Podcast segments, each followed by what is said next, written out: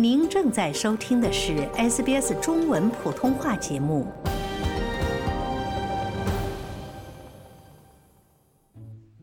各位听众朋友们，大家好，欢迎收听本期的 SBS 圆桌健谈节目，我是 Lauren 陈龙。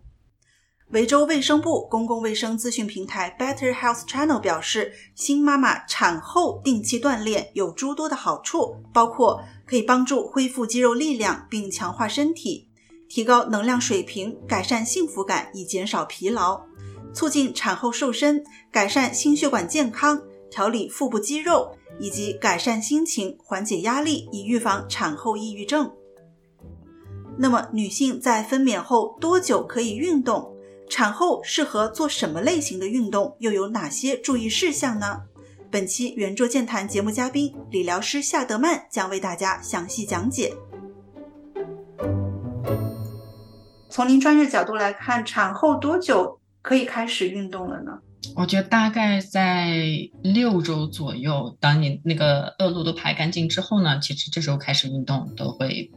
比较 OK。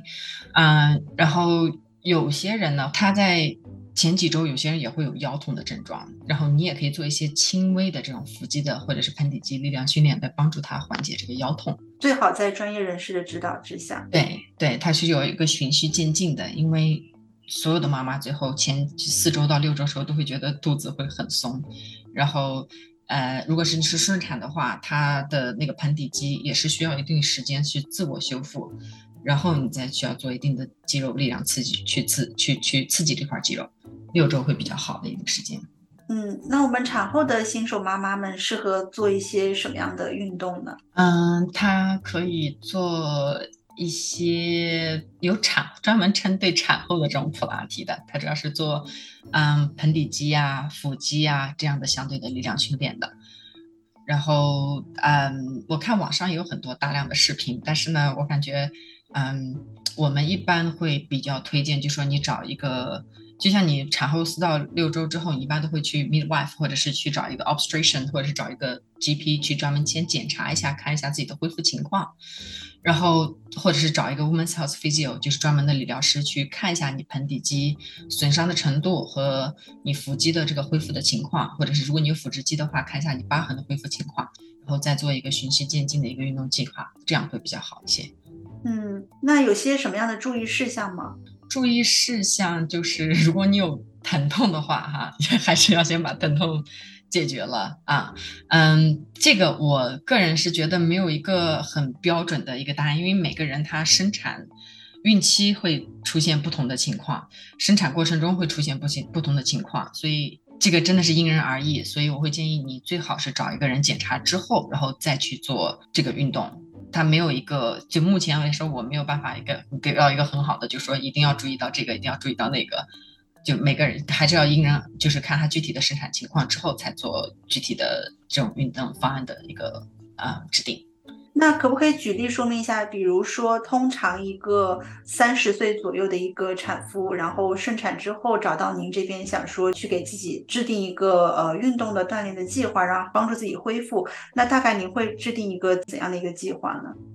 嗯，我们呢一般是要看她盆底肌的损伤的情况，然后如果要一般是顺产的话，我们就先从。盆底肌的一个呃修复做起，先把这个肌肉啊，或如果它有撕裂的话，我们会要把那个疤痕组织先松解掉，然后再去锻炼它的肌肉。这个呢，一般会通过六到十二周左右，能够帮助你恢盆底肌恢复一个比较好的一个状态，就是让你不会有这种盆底肌任何的不适，也不会有漏尿这种这种情况。然后呢，慢慢的我们才会增加一些功能性的训练，就比如说站起来的时候做一些啊深蹲呐，或者是。就是做一些轻微的这种举铁的这样的训练，帮助你增加这个腹肌啊，或者是下肢、上肢的这些肌肉力量训练。那如果是剖腹产的这些新妈妈们，是否会有些不同呢？嗯，会，因为剖腹产的话，它一般盆底肌不太会有太大的损伤，所以我们一般只是。嗯，初步就是简单的筛查一下，看他有没有什么症状。如果没有的话，肌肉力量都 OK 的话，我们更多的是注重他那个疤痕的修复，还有他整个腹肌的力量的一个增加。所以他的重点就是剖腹产的话，一般重点都是放在这个腹肌的力量训练上。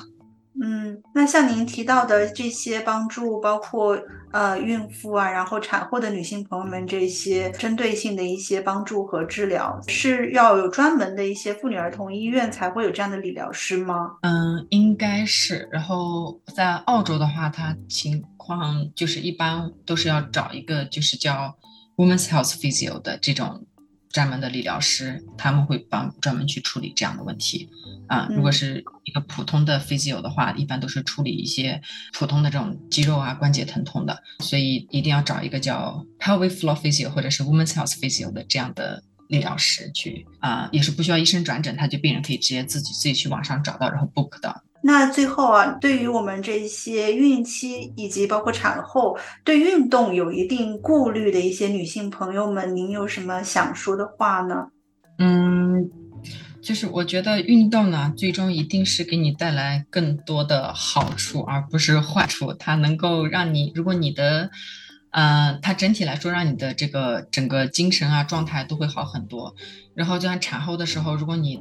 真的特别累、特别痛的话，你也没有办法很好去照顾你的孩子。所以 in the long term 来说的话，它肯定是利大于弊的。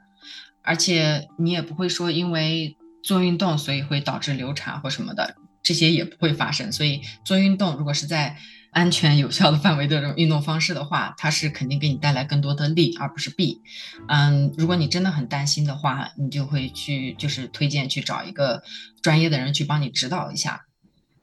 然后去帮你就是整个孕期过程中去运动啊，去防止你产后出现一些这种并发症啊什么的。但是运动安全有效的运动绝对是很有必要的。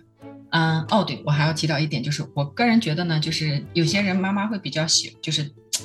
嗯，现在网上有各种各样的资源去查什么产后康复啊什么的，有些时候会用一些器械是能够有一定帮助恢复你盆底肌或者是腹肌的，但是最长远来看的话，如果你要是想让腹腹肌啊或者是盆底肌恢复到一个好状态的话，还是要通过自己的锻炼是最有效的，而不是依靠一些机器来帮你辅助。恢复这种的，就是不不能依赖于机器，你还是要自己靠自己的呃运动才能够完全恢复到你的一个正常的一个状态。